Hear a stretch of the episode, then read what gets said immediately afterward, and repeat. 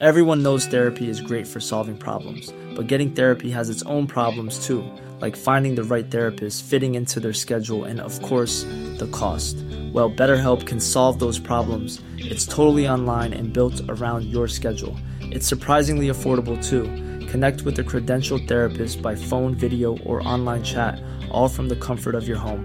Visit betterhelp.com to learn more and save 10% on your first month.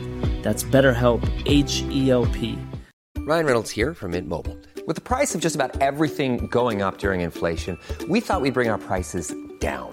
So to help us, we brought in a reverse auctioneer, which is apparently a thing. Mint Mobile unlimited premium wireless. Ready to get 30, 30, bit to get 30, bit to get 20, 20, 20, bit to get 20, 20, bit to get 15, 15, 15, 15 just 15 bucks a month. So, Give it a try at mintmobile.com slash switch. $45 upfront for three months plus taxes and fees. Promo rate for new customers for limited time. Unlimited more than 40 gigabytes per month. Slows. Full terms at mintmobile.com. Quality sleep is essential. That's why the Sleep Number Smart Bed is designed for your ever evolving sleep needs. Need a bed that's firmer or softer on either side? Helps you sleep at a comfortable temperature? Sleep Number Smart Beds let you individualize your comfort so you sleep better together. JD Power ranks Sleep Number number 1 in customer satisfaction with mattresses purchased in-store. And now, save 50% on the Sleep Number limited edition Smart Bed for a limited time. For JD Power 2023 award information, visit jdpower.com/awards. Only at a Sleep Number store or sleepnumber.com.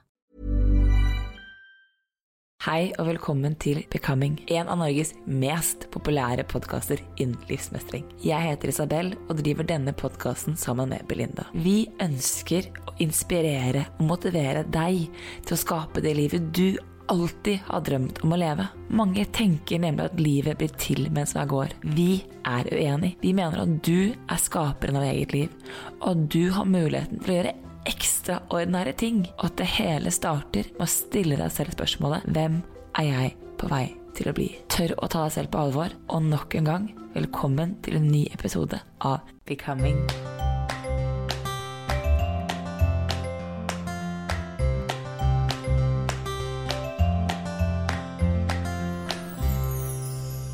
I dag skal vi snakke om hvordan vi kan lære å gjenkjenne og bryte våre egne mønstre.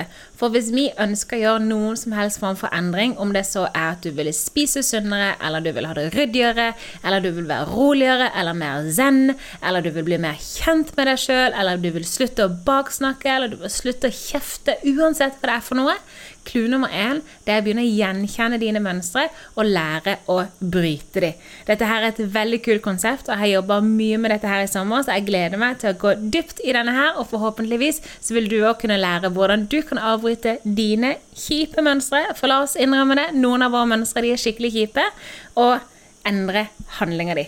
Isabel, hva er et mønster, og hvordan kan man egentlig avbryte dem? Et mønster er en handling som repeteres over tid. Det blir en slags vane, ikke sant? Men vi har jo vaner som vi er bevisst at vi gjør. Og så har vi vaner som vi er veldig ubevisst at vi gjør, som vi ikke er klar over. De vanene som vi er bevisst at vi gjør, det er veldig ofte de vanene vi er stolt av.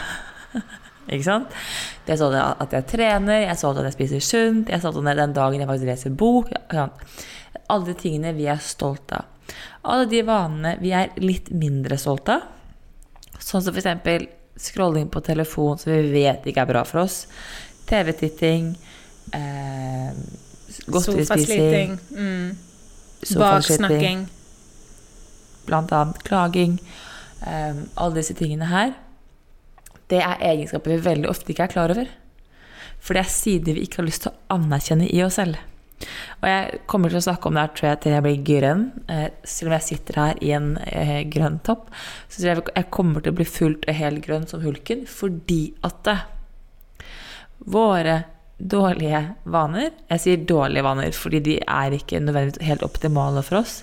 Men det er det som er kjent Våre mindre hensiktsmessige vaner. Som min gode nabo i Norge, Maria, lærte meg. At du skal bruke ordet hensiktsmessig eller ikke hensiktsmessig. Hensikts, hen, så ja, våre mindre hensiktsmessige vaner. Våre mindre hensiktsmessige vaner er en del av vår skyggeside, aka mørket vårt. Det er derfor det er så viktig å tørre å bli kjent med hele seg. Fordi alle sammen kan se det perfekte bildet du legger ut på Instagram eller på sosiale medier, eller vise alle andre, men det er noe med det å faktisk tørre å vise hvem du er, eller bli klar over, ikke vise, bli klar over hvem du er for deg selv. For det er her du begynner å se på hvordan du kan få tak i mønstrene. Husk på nå, Belinda, dette husker jeg fascinerte meg så sykt at jeg ble helt sånn mind-blown. Vi tror at de tankene vi tenker, er så sin at vi har så utrolig mye kontroll over tankene våre. ikke sant? Ja. Den kognitive delen av hjernen, som er den nyeste delen av hjernen, som er den tenkende delen av hjernen, den står for 5% av vår oppførsel. De lærde strides mellom 92 til 95. Resten, altså 92 til 95% det består av underbevisstheten vår. Det er gamle følelser, det er gamle tanker, det er vaner som er implementert i kroppen. For når du gjør en ting mange ganger, så går det til slutt på automatikk. Når det går på automatikk, da er det vanskelig å bryte.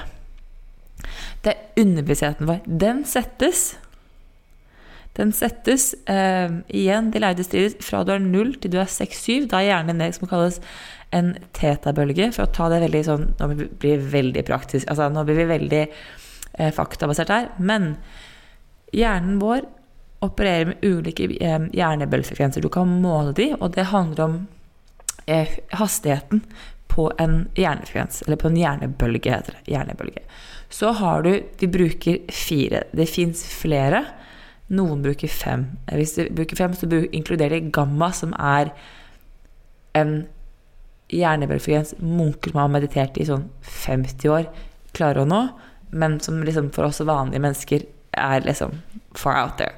Så la oss ta de fire som vanligvis snakkes om. Det er beta. Det er våken tilstand. Du og jeg nå er i beta. Vi kan være en høy beta, som eh, er det som er en Når du er stressa, når du er redd, eh, har et nervesystem i full sving, så har du middels beta, da er du konsentrert, um, sånn som du er nå. Og så har du lav beta. Da slapper du av. Så under beta så kommer alfa. Da har du litt roligere frekvens på eh, hjernebølgen. Det er veldig ofte i lett søvn. Igjen, du kan ha høy alfa, middels alfa og lav alfa. Um, og her er det lett søvn. Hvis du har sovnet, eller rett før du sovner, kroppen kjennes som du sovner, men hodet har liksom ikke sovnet. Den følelsen der, eller rett etter du våkner, da er hjernen din i en alfa state of mind. Meditasjon kan også være her. Under alfa kommer teta. Det er dyp meditasjon. Da kroppen er helt eh, rolig, og hjernen din har måttet få roet alt sammen ned. ikke sant? Og så har du da som er delta, som er under teta, det er dyp søvn. Det er rem-søvn. Når du drømmer, da er hjernen din i en, i en, delta state of mind. Og disse ulike hjernebølgefrekvensene de gir oss ulike former for inspirasjon. Og sånn som eh, jeg vet at det er flere i USA, altså som Vishnok Jan, jeg vet jeg gjør det, de går inn og mediterer på spørsmål fordi de får en helt annen tilgang til sine egenskaper, sin intuisjon og sin kvalitet, livskvalitet og sine indre svar når de går inn i en alfa eller teta state of mind. De går også inn, går også inn i delta. De bruker disse ulike hjernebølgefrekvensene om hverandre. Tilbake til underbevisstheten. Så er fra du er null til du er 6-7, så er, så er hjernen din i en slags eh, transetilstand hvor du lever i en teta-tilstand. Hvor du hjernen din klarer ikke å skille på hva som er altså De klarer ikke å skille på meg og deg, bra eller dårlig, eh, rett eller galt. Så de tar til seg alt. Det er som en svamp. Og så lager den tanker basert på sin opplevelse. Jeg har snakket om det før, at kroppen har jo liksom sanseinntrykk. Så har du følelser som er kroppen, som er en måte eh, uttrykket til sansene. Og så har du tolkningen av sansene, eller følelsene, som da er opp til tankene. Så der settes eh, veldig mange tanker Det trenger ikke å være logiske tanker, eller tanker som er rett eller galt, men de settes da i underbevisstheten. Disse mønstrene sitter i kroppen, lærer vi oss til, og de går vi ubevisst litt sånn på automatikk på.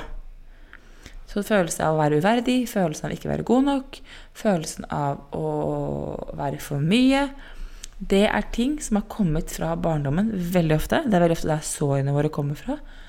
Eh, og så har de bare fått gjenspille seg opp igjennom årene i ulike situasjoner og hendelser.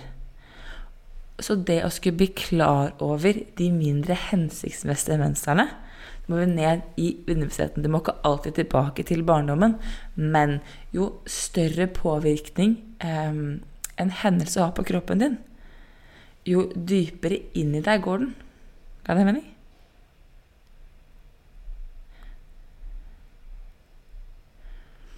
Så, og så sier jeg ofte at følelser er energi i bevegelse. Og at følelser må føles, altså lages i kroppen. Så, og det er jo en del av vår underbevissthet. Er jo når følelser har laget seg i kroppen, gamle følelser, og de blir trigget i nåværende situasjon. Um, og jeg kaller det for en spøkelsesfølelse. Du kan kalle det for en gammelfølelse, fordi det er som at istedenfor at det er meg i dag, da Når jeg blir trigget, så er det veldig sjelden Isabel i 2022 som står og og kjenner på sinne. Det er veldig, veldig ofte Isabel 19 pil og bue, 1997, ikke sant? 2004. Det er hun som kommer frem. Det er hun som ikke har følt det hun har behov for å føle. Det er hun som har behov for å uttrykke seg og bli sett og hørt. La oss repetere Så- dette her, by the way. Når ikke du føler en følelse, når en følelse er hos deg, og du unngår å føle den, blir den lagra og kommer frem på et senere tidspunkt. Han går aldri bort. Den eneste måten du kan få en følelse til å forsvinne på, det er faktisk med å tillate deg sjøl å føle hele følelsen. I Edith Eger sier det også superbra. Det er jo ikke følelser som uttrykkes, som er det som vil drepe deg. Det er de du holder igjen. Det er de du holder inni deg. Det er de du stenger inni deg, som er de som er farlige. Eh, og, men det er her våre mønstre kommer fra. Våre hensiktsmessige mønstre. Fordi vi lærer oss i vårt forsøk Husk på at eh, kroppen husker det hodet vil glemme. Og hodet har en forsvar, og det er innebygd hos oss, har en evne til å glemme. Glemme det som er vondt, i et forsøk på å beskytte deg. Ikke sant? Men kroppen glemmer ikke. Og kroppen, det er derfor jeg sier at den tenkende hjernen, den hjernen som at vi er den kognitive delen, det er den, det er den nyeste delen av hjernen. Mens sånn som eksempel eh, følelsesmessig hjernen, den er mye eldre. For det er jo en del av vår sanseinntrykk, en del av vår overlevelsesmekanisme. Avvisning, en følelse av avvisning, den kommer, altså den kommer helt tilbake fra den sitter i den eldste delen av hjernen, er helt bakerst i hodet. Um, den kommer uh, som en overlevelsesmekanisme fra altså helt i starten av vår utvikling, fordi vi er flokkdyr. Og hvis du ble avvist fra flokken, så var sannsynligheten for at du skulle ville dø, veldig stor. Så da lærte hjernen vår seg den overlevelsesmekanismen av at avvisning var farlig. Ikke sant? Hjernen vår har ikke skjønt, for den kognitive delen er ikke så sterk, at jeg lever i 2022, jeg kan godt bli avvist av en mann på Tinder, eller av en butikk på damen, eller av en butikk på damen, av en dame på butikken, av en nabo, av en jobb, uten at det er livets undergang. Det kroppen kjenner på, er følelsen av avvisning. Den går rett tilbake til liksom steinalderen and even before that.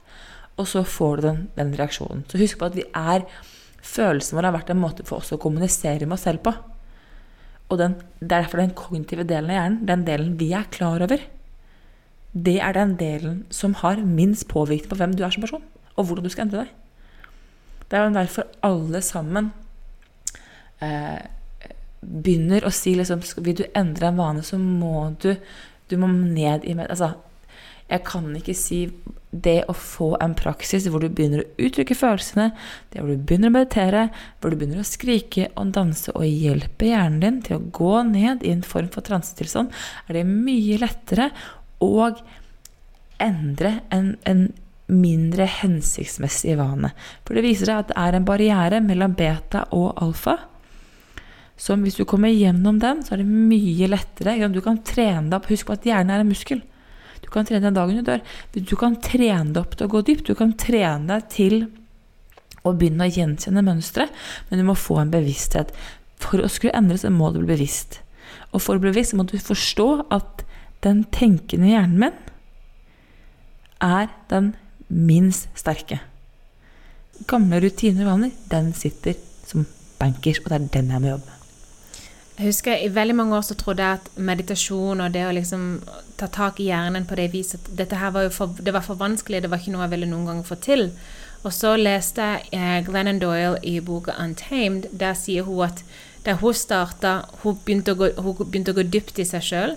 Men det hun gjorde var at hun la seg På den tida så hun hadde ikke noe kunnskap om meditasjon eller noe på det viset. Hun la seg i skapet og så satte hun klokka på ti minutter. Hun skulle ligge ti minutter i sitt skap, og så skulle hun ligge til det ble stille. Og jeg husker at det, det, det, det virka så forfriskende og deilig måten hun beskrev det på, at hun lå og tenkte og stilte seg sjøl spørsmål helt fram til hun gikk forbi bråket og landa der det var stille. Og der som det er stille, der ligger svarene på absolutt alt. Og så skjønte jeg igjen, som du sier, at eh, hjernen vår er en muskel. Hvis du syns det er vanskelig å lese, så betyr det at du må, få, du må øve på å lese. Hvis du syns det er vanskelig å lese, så betyr ikke det at ikke du kan lese, det betyr at du må øve på å lese. Sett, sett, ned ti minutter hver dag hvor du skal øve på å lese. Når, hvis du syns det er vanskelig å være stille og være i meditasjon, alle syns det er vanskelig å være stille og være i meditasjon. Du må forbi, sånn som du sier, den barrieren. Og du må øve på det. Så jeg øvde på det. Jeg lå i ti minutter hver eneste dag hvor det eneste jeg øvde på, det var egentlig å være stille og gå forbi bråk i hodet. Og plutselig så skjer det. Altså La meg ta en kjempesær sammenligning. Eh, noen kvinnfolk er sånn at de har hatt orgasme nesten hele livet, for de har alltid bare skjønt hvordan det fungerer. Andre må fomle noe veldig. Jeg var i den siste kategorien. Skjønte ikke bæret. Visste ikke hva noen ting der nede var til. Sant? Så plutselig, ganske, jeg, var ikke, jeg var ikke ung, jeg var jeg var, ikke, jeg var, ikke, et barn, for å si det sånn. Jeg var 19. ok? Så fant jeg ut da Å, herregud, det er sånn det fungerer der nede. Og så opplever du din første orgasme, og du vet at livet vil aldri bli det samme igjen, og her er det mye å hente. sant? Litt sånn er det faktisk med meditasjon. Du kan fomle, du kan fomle i mørket, og du skjønner ikke helt hvor du skal gå, eller hva du skal gjøre, eller noe som helst, og du tenker bare men dette her funker ikke for meg. Med øvelse gjør frikken mester. Og når du først lander forbi alt bråket, det er som du tar en heis ned, og så er det bare helt stille, og der ligger alle svarene på absolutt alt. Det er bare verdens mest fantastiske følelse. Det er nesten som å oppdage din første orgasme. Her vil du bare utforske Og så vil jeg bare si jeg elsker orgasmeeksempler. Så vil jeg bare si én ting. Husk på nå at det er ingen som ber leveren din om å slutte å fungere. Du skal ikke meditere og skal leveren slutte å fungere. Du skal ikke meditere og skal lungene slutte å fungere. Du vil ikke at funksjonen på hjernen skal slutte å fungere heller. Hjernen er en tenkende altså funksjon, den har en tenkende funksjon. Så det, at det kommer tanker, det er helt naturlig. Så det er det å bare mm. Men du skal ikke henge deg opp i de.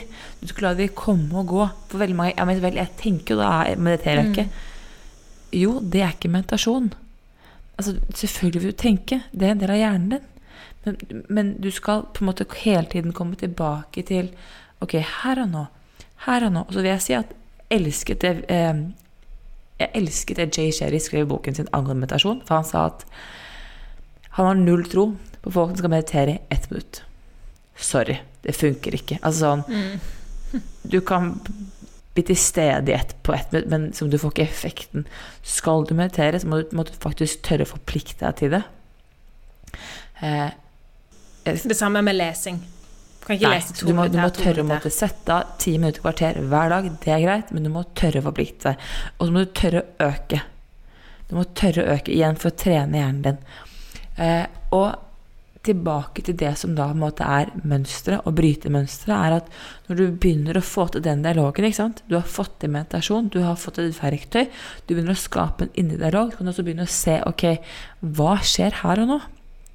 Hva er det som faktisk altså det, det, høres så rart ut, men det å bli bedre kjent med seg selv og eget mørke handler på et annet om å begynne å analysere hvorfor gjør jeg som jeg gjør?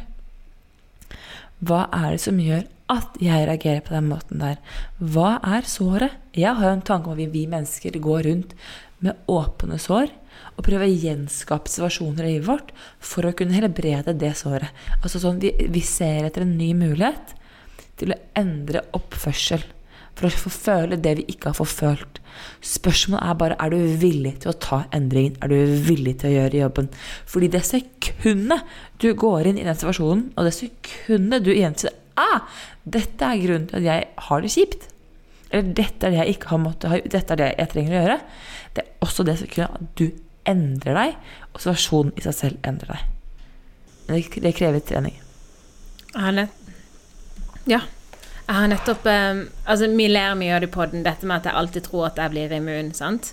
Um, og det som skjer, for hvis du er ny her inne uh, Hver gang jeg på en måte jobber for noe og oppnår gode resultater, så tror jeg at jeg er immun, og at jeg bare kan gå tilbake igjen til gamle vaner. At jeg ikke trenger lenger å jobbe for noen ting. Om det er trening, om det er kosthold, eller om det er uh, mental helse. Jeg har liksom ikke forstått at det er ferskvare. Jeg tror at så fort jeg oppnår resultatet, så kan jeg bare fly på den bølgen forever. Um, og det jeg jobber med nå, det er jo å gjenkjenne mine mønstre. Nummer én.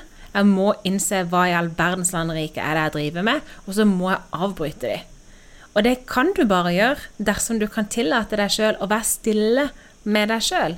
At du kan lytte, at du kan bli kjent med deg sjøl og analysere deg sjøl på lik linje som du ville analysert mønstrene til noen du bor med, eller noen du er glad i, eller noen du tilbringer mye tid med. For det, det, det er så sinnssykt verdifullt. Og for eksempel små barn.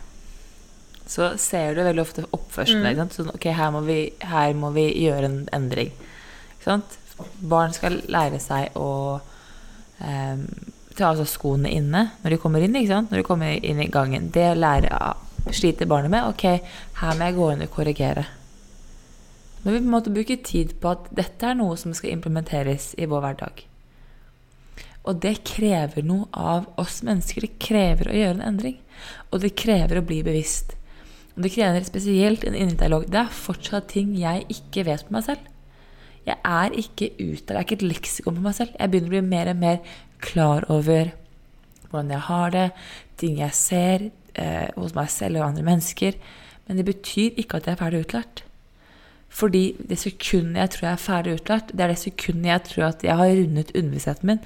Og misforstår man rett, men det er jækla mye der inne jeg ikke har tatt tak i. Det kan jeg garantere deg. Mm. Og det skal jeg ikke heller. Fordi dette er en del av livet. De største sårene jeg går og bærer på, tror at jeg skal få teste meg ut i, i veldig mange ulike situasjoner, for jeg trenger For jeg kjenner på det i så mange ulike situasjoner at jeg må helbrede de i flere også. Men det er det å tørre å gå inn og kjenne på okay, hvem er det jeg er, og hvor er det jeg kommer fra. Jeg har jo um, jeg er jo, Det her høres veldig feil ut. Jeg er veldig fan av traumer. Jeg er veldig, det er feil å si. Jeg er veldig interessert jeg er veldig interessert og fascinert av traumer, og hvordan traumer påvirker kroppen vår. Traume er et sår basically. Og du kan ha et fysisk traume, og du kan ha et psykisk traume. Fysisk traume, det er brudd arm. Du har brukket en arm eller brukket ben. Psykisk traume, det kan være på litt andre mulige måter. Og det som er veldig mange assosierer traumer sånn som med f.eks. diagnosen PTSD, posttraumatisk stressyndrom, eh, som man tror man, får etter, eh, man har hørt at får etter krig, eh, ulykker, overgrep etc. Og det er det man assosierer med traumer. Men for et par år siden så leste jeg en bok som heter um, 'Instinct to Heal'. Og jeg ble introdusert for det som det kalles small T traumas. Jeg vet ikke om jeg har snakket om det på den før, kanskje jeg har det? Men det kan fint repeteres. Eh, jeg tror og faktisk ikke det. Small T traumas er små traumer. Altså det er hverdagstraumer. La oss si at du har tatt en prøve på barneskolen hvor du er sikker på at du har alt rett. Ikke sant? Så stolt nå har Belinda bare mestret livet sitt, ikke sant? Så får du tilbake prøven, så er det et stort rødt kryss ved siden av et svar. Sjokket av det røde krysset, det skaper et sår i deg. Og for at jeg skal beskrive deg på best mulig måte, så ser jeg for deg at når du får det sjokket, så er det som at du setter deg selv på pause. Ikke sant? Og så er det som at du går inn i hjernen din, og så programmerer du en tanke 'Jeg er ikke god nok'. Jeg er ikke smart nok. Den tanken var her ikke før du så det krysset. Og så når den er plottet inn, så trykker du på play.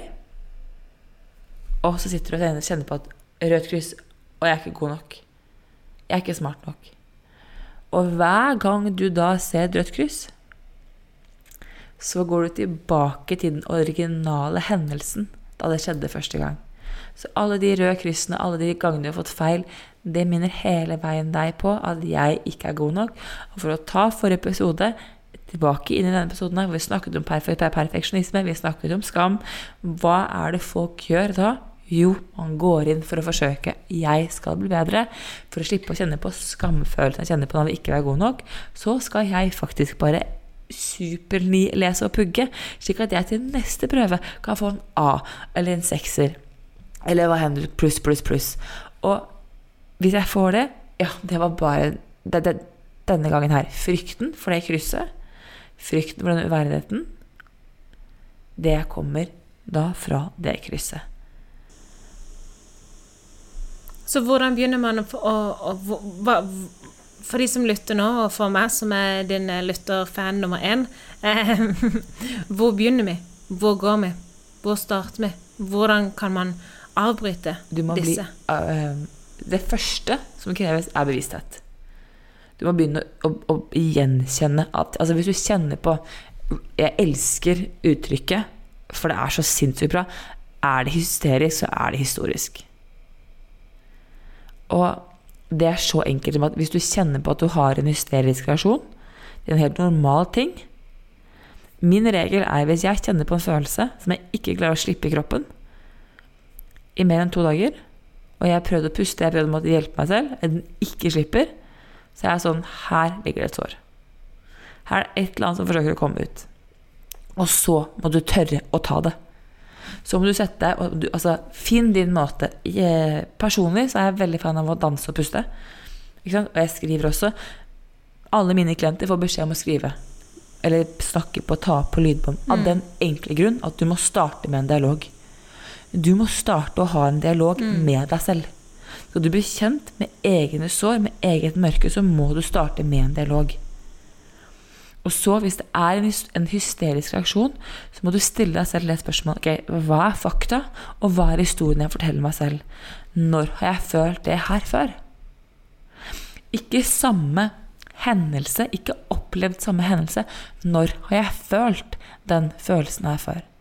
Når du begynner å igjen Ok, og hva er tanken? Når du begynner å se ok, jeg hadde den følelsen der, der, der og der. Å ja. Og her er følelsen jeg er ikke god nok, eller jeg er ikke viktig, eller eh, mine behov betyr ingenting. Altså, veldig mange måter. Andre er viktigere enn meg.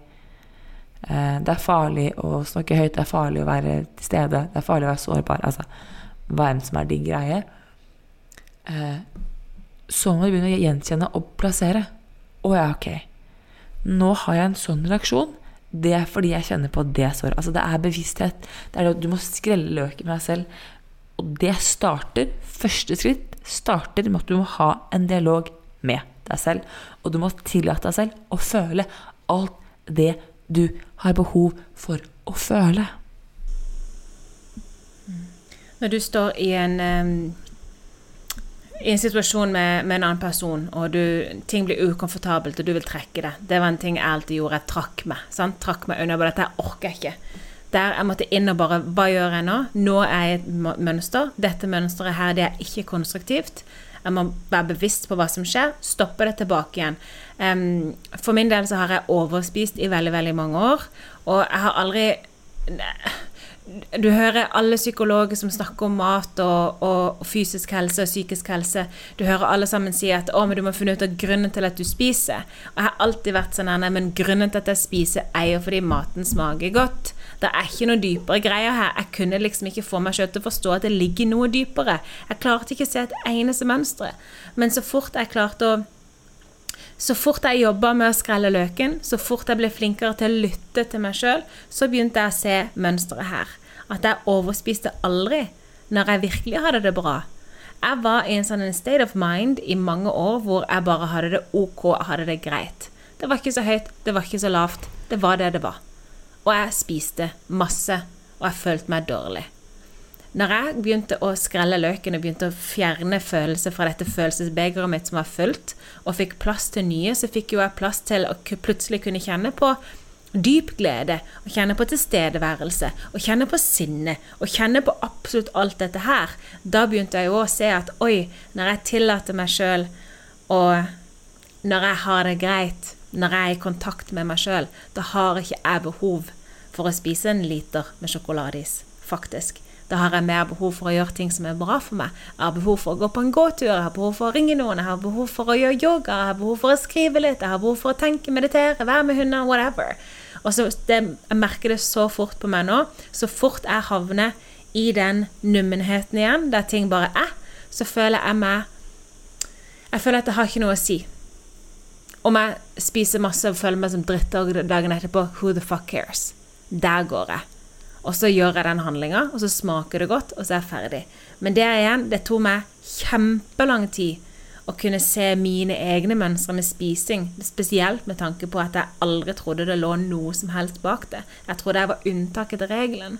Men de fleste som har et, et um, an, um, anstrengt forhold til mat, så ligger det jo alltid noe bak. Og jeg har hatt et anstrengt forhold til mat i veldig, veldig mange år. Aldri klart å se grunnen bak før nå. Og jeg jobber med dette her nå for alt det er verdt. Så hver gang jeg nå tenker at i dag har jeg en litt sånn dag For helt ærlig, denne dagen vi spiller inn podden, jeg er veldig sliten. Jeg er veldig sånn Nothing matters. Jeg har bare lyst til å legge meg på sofaen og trykke trynet fullt av masse piss. Da begynner jeg å tenke ok, dette her er et mønster. Her har jeg vært før. Skal jeg fortsette å bare gå i denne sirkelen, eller skal jeg faktisk bryte den og gå bort, og heller med min nye kunnskap gjøre noe som er bra for meg? Spis en forbanna agurk. Sant?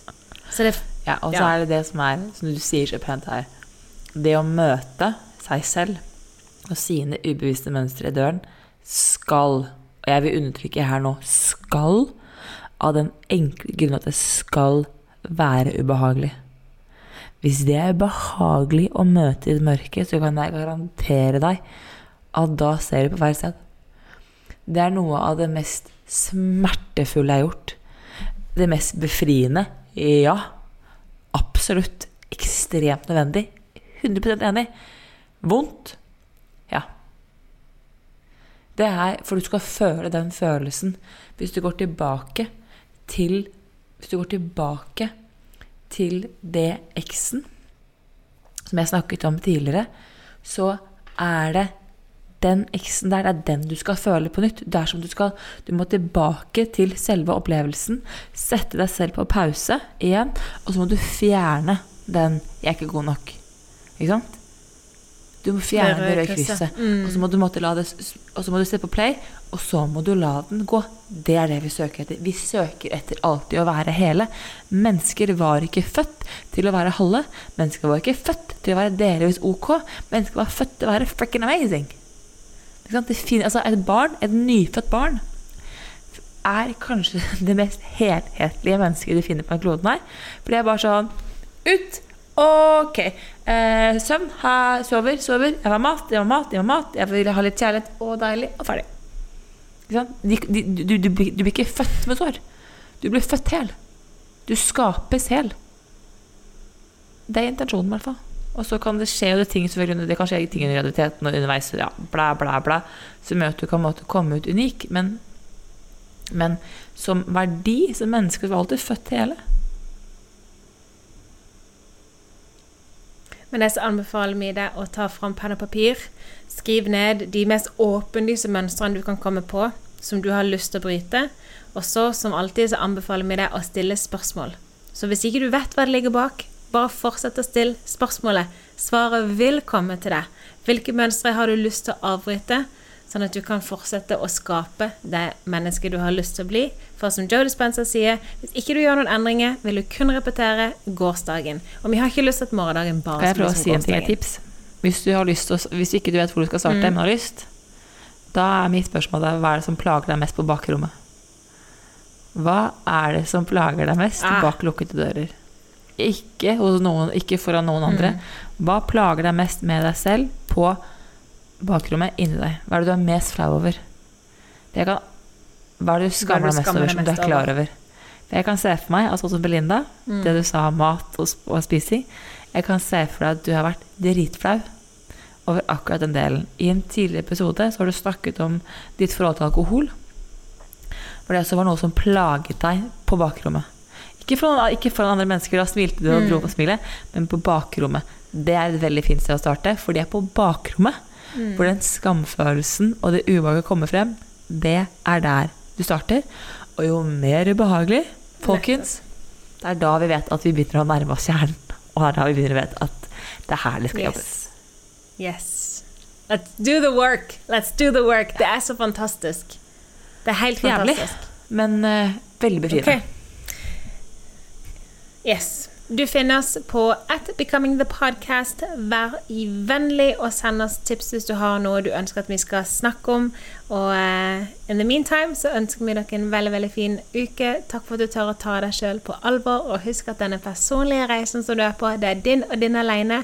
Om din søster eller de er venninne eller din kjæreste eller din kone eller din mann eller din mor eller dine barn syns dette her er bare noe forbanna idioti, det er ingenting å si. Dette er din reise og din personlige reise helt alene. Ha Ha det. det. Hey, it's Paige DeSorbo from Giggly Squad. High quality fashion without the price tag. Say hello to Quince. I'm snagging high-end essentials like cozy cashmere sweaters, sleek leather jackets, fine jewelry, and so much more. With Quince being 50 to 80% less than similar brands. And they partner with factories that prioritize safe, ethical, and responsible manufacturing. I love that. Luxury quality within reach. Go to quince.com slash style to get free shipping and 365 day returns on your next order. Quince.com slash style. Mom deserves the best, and there's no better place to shop for Mother's Day than Whole Foods Market. They're your destination for unbeatable savings, from premium gifts to show-stopping flowers and irresistible desserts. Start by saving 33% with Prime on all body care and candles. Then get a 15-stem bunch of tulips for just $9.99 each with Prime. Round out Mom's menu with festive rosé, irresistible berry chantilly cake, and more special treats. Come celebrate Mother's Day at Whole Foods Market.